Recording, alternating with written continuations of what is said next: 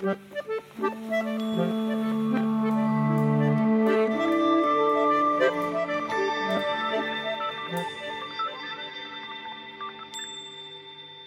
velkommen til eh, podkasten som heter Ytringsklima. Eh, her tar vi opp temaer som handler om hvordan mennesker snakker sammen på jobb. Mitt navn er Øyvind Kvalnes. I dag har jeg en gjest, eh, og det er lege Ida Susanne Fatta, som er daglig leder i Medlytic. Og jeg kjenner henne som en eh, Eh, veldig entusiastisk og ivrig person som er opptatt av innovasjon i helsevesenet. Så velkommen til oss, Ida. Tusen takk. Så eh, vi har jo snakket sammen tidligere om ytringsklima, og hvor viktig det er for eh, prestasjoner og for at folk eh, trives på jobb og gjør et godt arbeid. Eh, og så har jeg spurt deg om å, komme på en episode eller en hendelse hvor du har opplevd ytringsklima som har vært skikkelig bra. Mm. Så hva kunne du tenke deg å fortelle om det? Det er jo mange episoder sånn sett, men eh, en som eh, satte litt preg på meg i studietiden, var da jeg var på utplassering på et sykehus. Eh, og så var det Det var jo mange ting rundt det sykehuset og den tilværelsen som gjorde at jeg følte at det var et ganske trygt miljø. Men så fikk vi muligheten, fordi vi hadde fått midlertidig lisens, så fikk vi muligheten til å ta noen vakter i mottaket. Eh, og det gruet jo alle seg til, for det var våre første vakter. Eh, det var ganske travle vakter. Eh, og så fikk vi litt sånn som mange eldre kollegaer også forteller om, at man fikk en calling i hånda, og så var det lykke til. Um, og jeg husker første gangen uh, callingen gikk av, så forsto jeg nesten ikke hvor jeg skulle gå engang. For det var sånn SMS-språk på den callingen. Så jeg måtte huke tak i nærmeste sykepleier for å geleide meg gjennom uh, gangene. For å finne riktig sted hvor det, hvor det hjertestanset da var. Heldigvis var det falsk alarm. Ja. Så vi ble enige om at uh, neste vakt jeg var på, så skulle jeg huke tak i den med en gang, og så skulle vi løpe sammen da, til riktig rom. og så gikk jo alarmen på neste vakt. Eh, og det var jo eh, skummelt, fordi man visste jo ikke om det var ekte, eller om, om på en måte det kunne være en falsk alarm. Vi løp ned til et rom, og der var det noen som allerede hadde satt i gang med hjerte-lungeredning av en, en pasient, eh, men, men, avsluttet ganske snart etterpå og sa at pasienten dessverre var død. Og jeg husker at det, det preget meg veldig. Jeg, jeg, jeg, slet veldig med å forstå hva som hadde skjedd rundt det dødsfallet. Og da jeg snakket med min veileder, så sa hun at Kanskje du rett og slett skal tegne, bruke en av dine obligatoriske oppgaver til å tegne opp et pasientforløp rundt denne episoden, sånn at du kan forstå hva som har skjedd, og, bearbeide på en god måte. Og så gjorde jeg jo det, ehm, og oppdaget etter hvert en del ting som kanskje ikke helt var som de skulle. Det var noen punkter hvor kommunikasjonen hadde sviktet mellom eh, de som hadde gitt beskjed om at pasienten skulle bl.a. overføres fra en avdeling til en annen eh, altså fra kirurgisk til medisinsk avdeling i mottaket. Eh, og da eh, husker jeg godt at da jeg, da jeg, presenterte dette for veilederen min, så sa han at dette her var skikkelig bra jobb. Eh, skikkelig bra undersøkt. Og, og, dette er jo kjempealvorlig. Dette vil jeg gjerne at du skal presentere for ledelsen da, på vår ja. avdeling. Og eh, altså, ja, det var ordentlig anerkjennelse av eh, ja, noe som kunne vært litt skummelt. Ja. Fordi man påpekte jo ting som var som kunne forbedres, eh, og, og, kanskje ikke helt var som de skulle. Mm. Eh, og presenterte da dette for ledelsen. Måtte bare manne meg opp til det. Og ble også rost for det. Det var nesten litt sånn uvirkelig. At de var så positive til at jeg hadde gjort en kjempejobb. og bestemte seg for at dette skulle sendes en avviksmelding på, da, sånn at de kunne forbedre rutinene sine. Og inviterte meg i tillegg til å, å i den samme presentasjonen i mottaket, hvor dette faktisk hadde skjedd, og flere av kollegaene mine, både leger og sykepleiere, eh, eh, syntes jo dette var fantastisk. De sa jo eh, at dette var flott å kunne snakke om. Det var så fint at noen hadde lagt det frem på en ryddig måte, at man kunne lære av det. Og turte å si ifra, på en måte, ja. om dette. Men var du i tvil da du ble bedt om å gjøre dette? Tenkte du er det, er det smart av meg eller trygt å gjøre det så tidlig i karrieren, eller?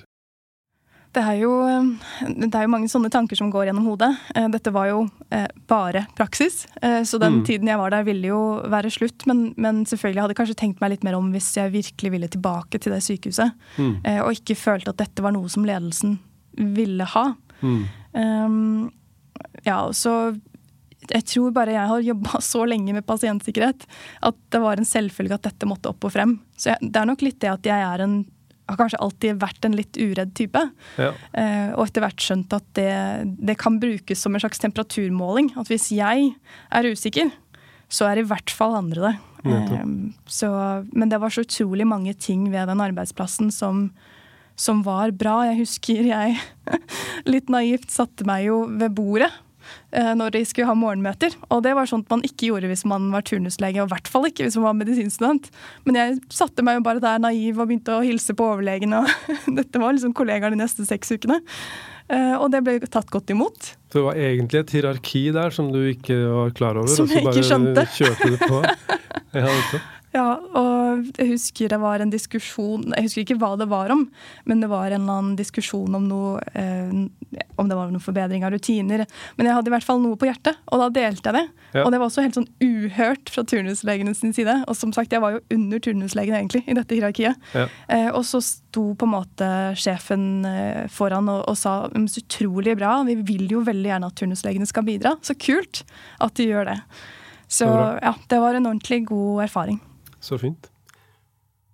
Så du hadde denne opplevelsen ved sykehuset, det var ganske tidlig i din karriere. Og mm. så har du senere også, vet jeg, vært opptatt av situasjonen for uh, yngre leger, for turnus, turnusleger. Mm. Uh, og du har vært med å stille spørsmålet kan vi regne med at uh, unge leger i, i, vikariater sier ifra når de oppdager ting på sykehuset. Mm. Hva slags svar har du oppdaget rundt, rundt det?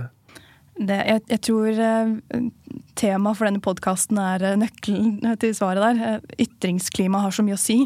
og også veldig mange av omstendighetene rundt. Jeg har jo tenkt mye på hva er det som kjennetegner et, et godt ytringsklima. Mm i motsetning Altså det er kanskje utviklet etter hvert eh, fra å være eh, tør unge egentlig å si ifra, til hva er det som kjennetegner et ytringsklima som gjør at man tør å gjøre det. Eh, kanskje litt mer generelt enn bare for et yrke. Men selvfølgelig legeyrket er jo også preget av at vi har et hierarki som er det er kanskje ikke noe rart at vi har det, det er jo et 200 år gammelt yrke. Um, men en av de første tingene jeg bet meg merke i, var jo at trygghet har veldig mye å si. Uh, og når jeg sier trygghet, så mener jeg egentlig to ting. Det ene er jo jobbsikkerhet. Mm. Hvis, jeg har jo fortsatt vikariater, eh, og har hatt det i mange, mange år. Um, og hvis jeg sitter og lurer på om vikariatet mitt blir utvidet om noen måneder eller noen uker, så gjør jeg en dårligere jobb. Det, det opptar meg i større grad enn ja. hvis jeg bare kunne fokusert på de oppgavene jeg har foran meg. Ja.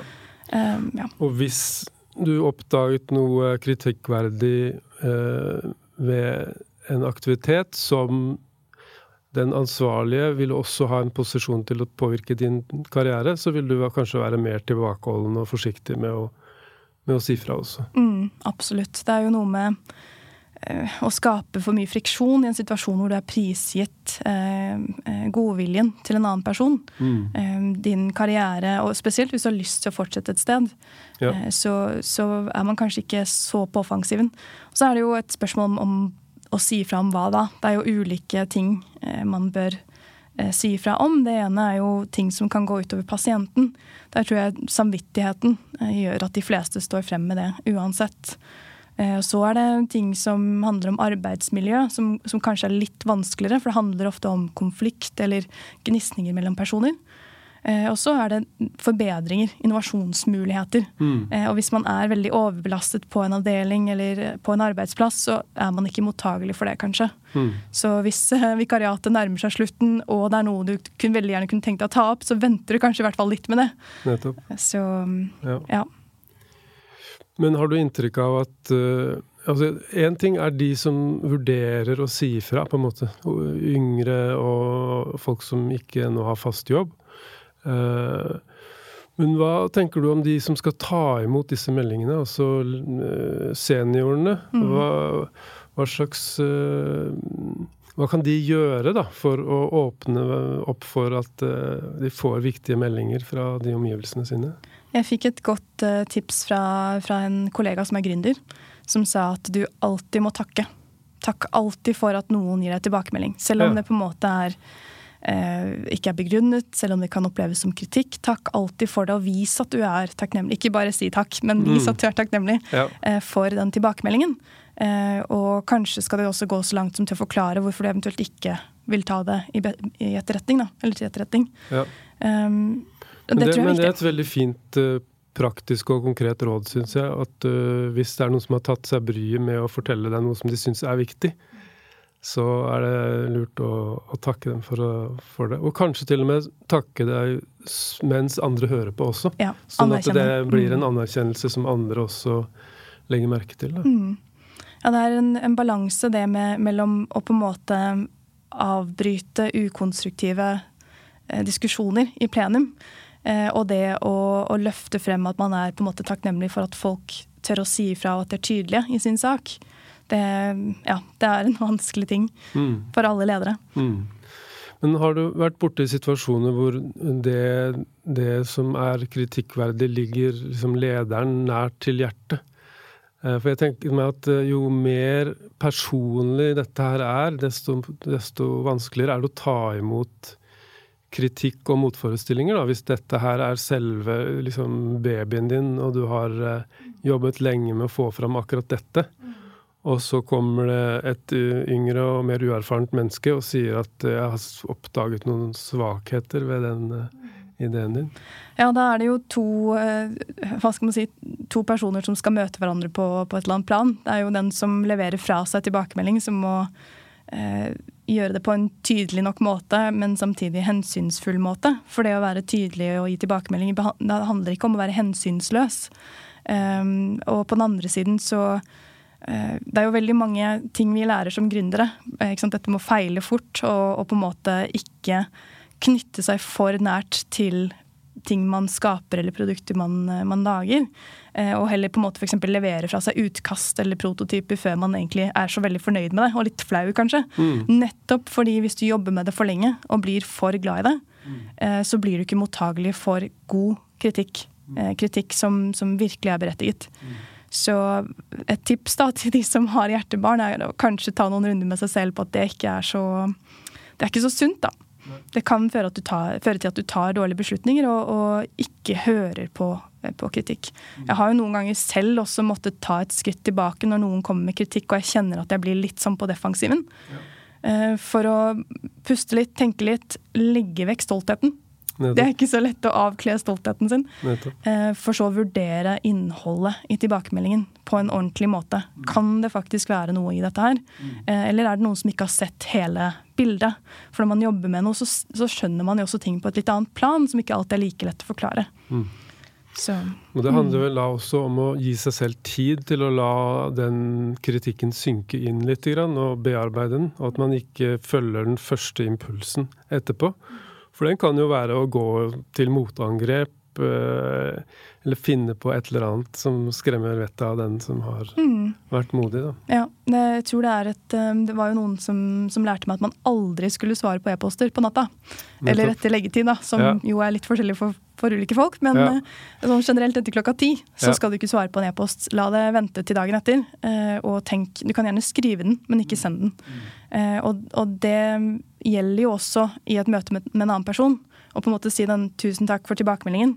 Vi tar selvfølgelig tilbake Altså alle, alle tilbakemeldinger er hjertelig velkomne, men eh, jeg må tenke litt. Ja. Mm. Dette du forteller nå, Ida, det minner meg om at jeg for ikke så lenge siden skrev en lang e-post nattestid. og var to sekunder unna å trykke 'send'.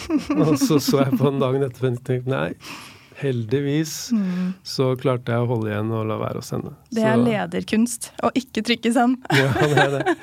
det, er. La, gi seg selv uh, tid, rett og slett. Uh, men Kan du fortelle noe om hva du jobber med nå for tiden? For jeg vet jo at du har spennende oppdrag uh, nå midt i pandemien, og hvor det også er snakk om at ytringsklimaet blir satt på prøve. Ja, det er jo en eh, Jeg jobber jo som assisterende kommuneoverlege i Oslo kommune. Eh, og det er jo en veldig presset situasjon. Alle jobber på spreng. Ja, det er ubeskrivelig hvor høyt press det er. Men allikevel så klarer vi å overholde et godt ytringsklima og et godt arbeidsmiljø.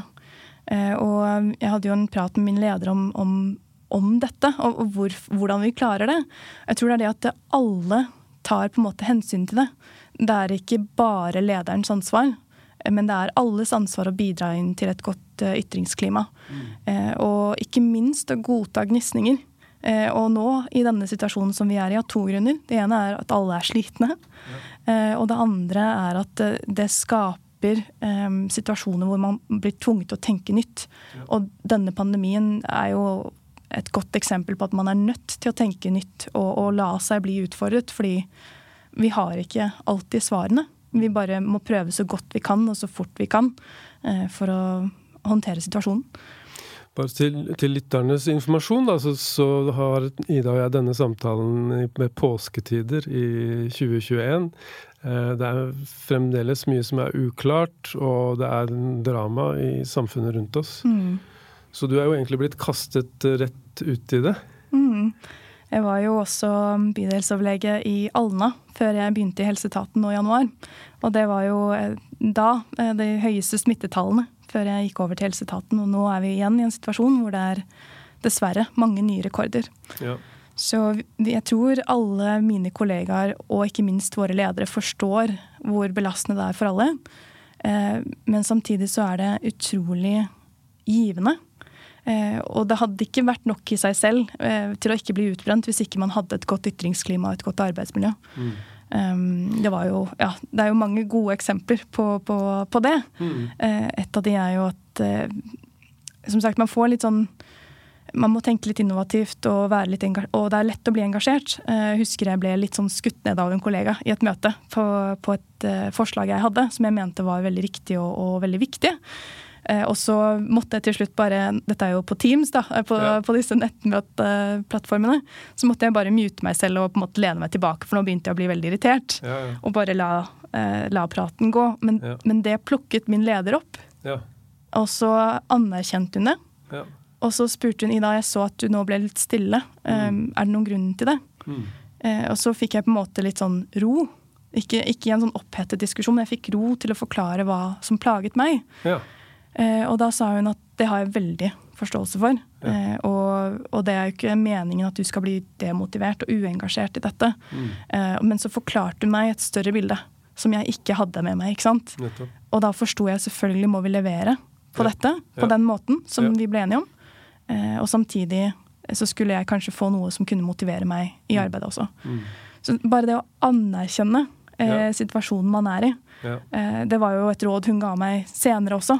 At hvis du opplever at noen er veldig spisse i tonen overfor deg, så, så, bare stopp litt opp og si at det er det du føler. Ja. Og så kan det hende at det snur. Og det trikset, eller triks, da, eh, det tipset, brukte jeg i en, en ganske opphettet diskusjon jeg hadde senere med noen eh, kollegaer. Eh, og da fikk jeg jo tilbakemelding ganske fort på at å ja, beklager, det er absolutt ikke sånn jeg opplever meg selv. Mm. Jeg er bare veldig engasjert i dette her. Mm. Og da ble jo tonen en helt annen. Mm. Så det er veldig sånn konkrete, gode eksempler på hvordan man kan uh, ja. ja. Det er også lærerikt å høre på, syns jeg, eh, med tanke på det at vi tolker hva andre sier, og så, så tar vi den tolkningen for å være sannheten, på en måte. Mm om hva de ønsket å formidle, og hva slags følelse de ønsket å vekke i deg. Og så kan du få korrigert den oppfatningen ganske kjapt hvis du, hvis du er i et ytringsklima hvor det er den normale tingen å gjøre. Da, og så sjekke ut om jeg forsto deg rett, eller mm. om jeg tolket deg feil. Ja. ikke sant? Ja. ja. det er kjempeviktig. Mm. Og så har jeg også merket at uh, vi er der for hverandre. Det er, det er, en sånn ting som jeg syns har vært veldig fint. Jeg har jo vært litt ute i media med, med startupen min, men ikke så mye i denne posisjonen. Og, og, det er så mange ting som står på spill ja. uh, i denne posisjonen at uh, jeg gruet meg rett og slett til å møte media. Uh, og jeg husker jeg, jeg, gikk med på å ta et intervju med en journalist. Uh, og min leder ringte meg opp og sa er du forberedt. Vi må sørge for at du er godt forberedt. Og hun gikk gjennom noen punkter sammen med meg og sørget for at jeg var det. Eh, nå gikk det intervjuet skikkelig dårlig. det var en skikkelig dårlig opplevelse. Ja. Eh, men en opplevelse. Eh, Ja. Og jeg måtte bare på en måte bare anerkjenne det, at dette her var skikkelig dårlig. Eh, både fra meg og fra, kanskje litt fra journalisten. Men eh, jeg lærte mye av det, og jeg hadde turt. Eh, og da jeg skrev en, en tilbakemelding til, eh, til min leder på det, at da har jeg gjort dette, vi får se hvordan det ble, men jeg er ikke så veldig fornøyd, jeg får bare ta det som læring. Så ringte hun meg opp, og vi hadde en god prat om det. eh, Hvor hun roste meg for å være så modig at jeg turte. eh, Og hvor hun, hun syntes på en måte det var utrolig bra at jeg tok det som læring.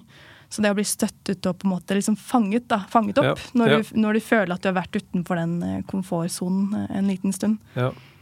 Ja. Det er jo også noe som jeg syns er spennende, det med en debrief. da, Etter at du har vært gjennom en eh, dramatisk hendelse eller en utfordrende situasjon, og så er det fort gjort at vi bare etter det går hver til vårt, og så er vi ferdig med det. Men eh, det er veldig mye forskning som viser at eh, det er feil å tro at vi lærer av erfaring. Altså vi lærer av erfaring hvis vi reflekterer over den erfaringen. Så det at vi bare gjennom å ha igjen, eh, hatt en tøff eh, opplevelse og eh, hatt en tøff erfaring, at vi lærer av det alene, det er egentlig ganske kraftig tilbakevist fra forskningen. Da. Så det er rett og slett den runden etterpå som kan være, være veldig viktig. Mm, og forberede seg til neste gang. Ja, Mm. ja. Og få satt ord på hva dette handler om. Og, Mm. Og det er jo det som på en måte jeg har tenkt mye på um, nevnte jo dette med trygghet, da, som hva som kjennetegner et godt ytringsklima. Eh, og jeg nevnte jo at jobbsikkerhet var en av tingene, men en annen ting er jo også dette med takhøyde. Ja. og, og på en måte få lov til å være litt seg selv og tørre å være seg selv. Mm. det tenker jeg at det er kjempeviktig. Eh, og du har kanskje hørt om denne flytsonen, flow zone, ja. som veldig mange idrettsutøvere også snakker om. Og jeg tror grunnlaget for å komme i en flytsone eh, er at man har en trygghet. At man, man ikke trenger å tenke på når vikariatet går ut, eller hva syns egentlig mine kollegaer om meg, eh, men at man kan fokusere på å gjøre en, bedre, en stadig bedre jobb. Da.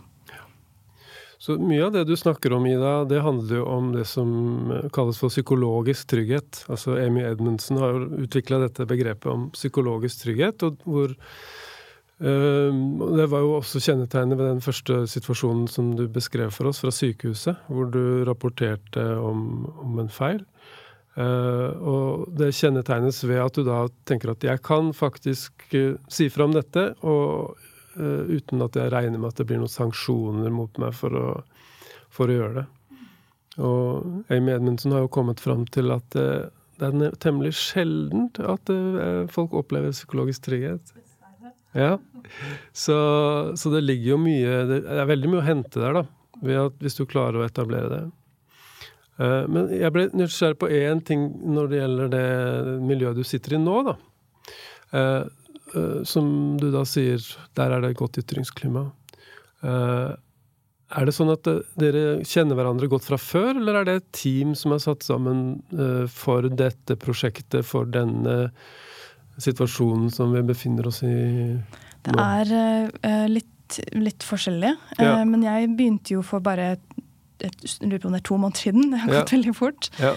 Um, og vi har jo hatt, vi har også vært preget av hjemmekontor. Vi har Ja. jo ikke sett hverandre. Mm. Uh, så vi, vi savner jo alle veldig den praten over lunsj. Mm. eh, det å på en måte bli kjent med noe annet enn faget Ja. eh, til den andre personen, og, og, og de på en måte trekkene man får frem da, i, i samarbeid rundt fag. Eh, Ja. Så egentlig så er det ganske Det er litt morsomt at du påpeker det, fordi vi har ikke egentlig noen forutsetning for å kjenne hverandre veldig godt. Nei. Men allikevel så fungerer det veldig godt. Mm. Um, så, så det er kanskje litt magisk. Jeg, jeg Ja, tror det er en, ja. en ledelse som er veldig bevisst på at vi skal skape et godt arbeidsmiljø, fordi vi har det så, spesielt nå har vi det så tøft. Ja. Det, det jeg kom til å tenke på, er det som handler om tillit. Da. Fordi uh, noe av det vi vet om tillit mellom mennesker, er at det som regel tar lang tid å bygge opp tillit. Uh, men så er det noen som er gode til å skape kjapp tillit, det som forskerne kaller for swift trust. Så prosjektledere har noen, noen knep, noen, noen grep, som gjør at de kjapt får en gruppe mennesker til å ha tillit til hverandre. Eh, og det er veldig fascinerende, syns jeg. Mm, det er morsomt at du sier det, egentlig. fordi det var jo noe Og jeg har nok ikke hatt et begrep om hva det er, mm. men, men, det var jo noe jeg var veldig opptatt av som fastlege. Ja. Og, og, det å på en måte kunne Jeg hadde kanskje 10-15-20 minutter, eller kanskje en halvtime hvis jeg hadde god tid, ja. eh, til å, å, sette meg ned med, med, et helt fremmed menneske. Jeg var jo vikar. Ja. Eh, bli kjent med dem mm. eh, og deres utfordring som de vil presentere for meg i dag. Ja. Og samtidig evne å se et større bilde bak. Kan det være andre ting som, som fører til dette? Eh, og, og, det husker jeg liksom at jeg kjente var en mestringsfølelse når man kunne sette seg ned med noen og, og, få tillit og tiltro. Og vise at man virkelig ville dem vel. da, Og være nysgjerrig på hvem, hvem det mennesket var foran seg. Ja, Så det er morsomt at du sier det. det var... mm. Men det, jeg har festet meg ved en teori om tillit da, som sier at det er tre elementer. Er, hvis jeg har tillit til deg, så er det fordi jeg mener at du har evnen, og du har velvilje overfor meg, og du har integritet. Så hvis jeg tviler på en av de tre, evne, velvilje eller integritet, så begynner tilliten å rakne. ikke sant? Mm. Uh, så noen kan ha mangle evnen. Mm. De har all mulig velvilje og er gode mennesker, men mm. de kan ikke eh, faget. Mm. Og så er det noen som kan faget, men hvor du er i tvil om de andre elementene. ikke sant? Uh, og som regel så trenger mennesker lang tid på å finne ut har hun evne, mm. har hun velvilje, har hun integritet. Mm. Men så er det noen veldig dyktige eh, prosjektledere som finner snarveier, og som gjør at eh, bang, så er den tilliten på plass. Mm. Så det, det, er magisk. Det er skikkelig magisk, mm. tenker jeg. Og så er det en spennende ting med, med det første punktet med evne. Ja. Eh, når man er ung og uerfaren, ikke sant? så er mm. kanskje ikke evnen det man har mest av. Mm. Eh, og kanskje kan på en måte lærevillighet og nysgjerrighet være med på å, å trekke opp litt tillit der, da. Ja. Det er jo verdt å merke seg. Ja. Mm. Ja, og en, Et element i ytringsklimaet som jeg syns er spennende, det er også når nye kommer til en arbeidsplass. Det er en mm. ny lege ved sykehuset. Mm. Og så settes du til å gjøre et eller annet, og så er det helt på grensen av hva du kan, egentlig. Ja. Og du kan da enten si at uh, 'dette skjønner jeg ikke', mm. eller så kan du late som du skjønner det. Mm. Take it till you make it. ja, ikke sant? ja. uh, og noen ganger så er jo gapet mellom den, den, kunnskapen du har og det du blir bedt om å gjøre, så stor at du bør be om hjelp, altså. Men så, så vet jeg episoder fra sykehus og helse hvor hvor folk har opplevd at her må jeg demonstrere hvor god jeg er. Og det er flaut å spørre om hjelp. Og det viser seg at uh, menn venter lenger med å be om hjelp enn kvinner gjør. Vi vil gjerne demonstrere for verden at vi kan dette, og så kan vi det egentlig ikke. Og så kan, kan det gå ganske ille, da. Så det er jo et element da, i ytringsklimaet her som, som handler om å å liksom kapitulere og si at uh, her trenger jeg deg for mm. å få det til. Mm, ikke sant, Å be om hjelp. Ja. Nei, jeg tenker at du, du, er inne på noe veldig viktig her med å Jeg tror du nevnte det på webinaret vi var på sist gang. Um, mm. Med at uh, denne piloten ja. som flyr, uh, og så sier kopiloten at de trærne var veldig nære. Ja, nettopp. Istedenfor å si at dette her går ganske ad undas. Ja. Um, det handler jo igjen, akkurat som du snakker om, om ytringsklima, mm. Eh, men også for ledere. Ja. Ikke sant? Det å være lærevillig og tilpasningsdyktig, kanskje er det viktigere enn å kunne alt. Um, jeg husker jo fra studietiden, uh, så var jo Du fikk jo ti poeng hvis du klarte å gulpe opp uh, de fem medikamentene som man brukte for å behandle en sykdom. Uh, du fikk ingen poeng for å resonnere og reflektere mm. over hvilke andre ting som kanskje kunne være en årsak. Eh, og Jeg husker liksom, jeg er jo samfunnsmedisiner da, eh, av bakgrunn. Mm. og jeg husker Da vi kom til det faget på studiet, så var jo de så frustrerte over at ingen av disse medisinstudentene som nå hadde gått fem år på studiet, klarte å reflektere. Nettopp. Men det var jo fordi vi ikke hadde lært det. Nei. Eh, så, så, jeg tror um, det også preger jo litt det at vi, vi er så drilla på at vi bare må kunne alt. Vi må mm. være den beste utgaven av oss selv, og det er viktigere mm. enn evne til å samarbeide, evne til å be om hjelp, evne mm. til å reflektere. Mm. Uh, så vi Ja, det, det, kan kanskje være litt farlig, og det er jo en grunn til at det er så mange som er engasjerte i pasientsikkerhet. Uh, for det handler jo om dette miljøet man skaper rundt seg. Hvis det er Hvis, hvis, du tror at du er et dårlig menneske, menneske, eller en dårlig kollega, fordi det er noe du ikke kan.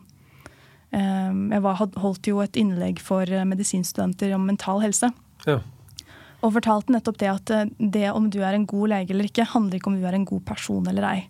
Eh, og så var det en eh, medisinstudent som kommenterte at men vi er jo litt heldige. At vi kan få ganske mye sånn god følelse og selvtillit ja. av å hjelpe andre. Ja. Og så sa jeg men, men, det er veldig farlig. Fordi den dagen noe går galt, og ofte så er det snakk om når det skjer og ikke hvis det skjer, mm. så drar du med din selvfølelse i dragsuget. Mm. Det er kjempefarlig. Mm. Så det å faktisk evne å skille på person, og at du er verdt mer enn bare den rollen du har, mm. er kjempeviktig. Og det var jo en av de tingene vi også oppdaget i Medlytic, da vi hadde såkalte klagepils. Ja, det husker jeg. Ja, det, da var det fritt fram for å fortelle om uh, ting, som ikke, ting, som var kjipt på jobb. Yes, det, ja. var, um, det var, en suksess, da. Ja. det var jo ikke minst fordi vi lærte så mye. En ting var hva, hva jeg tenkte og hva jeg trodde, men å høre fra kollegaer hva de kjente på. Eh, og jeg husker de, de, beskrev en følelse av å være erstattelige. Mm. Eh, det at det står 100 andre bak deg i køen hvis ikke du følger marsjordre. Mm. Um, det gjør noe med en, altså. Eh, at man ikke er et fullverdig menneske, men en brikke. Mm. Det syns jeg var veldig leit å høre at flere fortalte om. Mm. Så um, jeg tror det er ganske viktig i dette um, ytringsklimaet at man man kan føle at man bidrar med noe viktig. Eh, ikke bare i rollen man har, men også fordi man er den personen man er. Mm. Mm. Det er veldig spennende. Eh, jeg tror vi skal runde av, Ida. Tusen takk for at du har kommet til studio og delt dine erfaringer og dine tanker med oss. Takk for at jeg fikk komme. Og lykke til med ditt uh, arbeid videre. Også. Takk.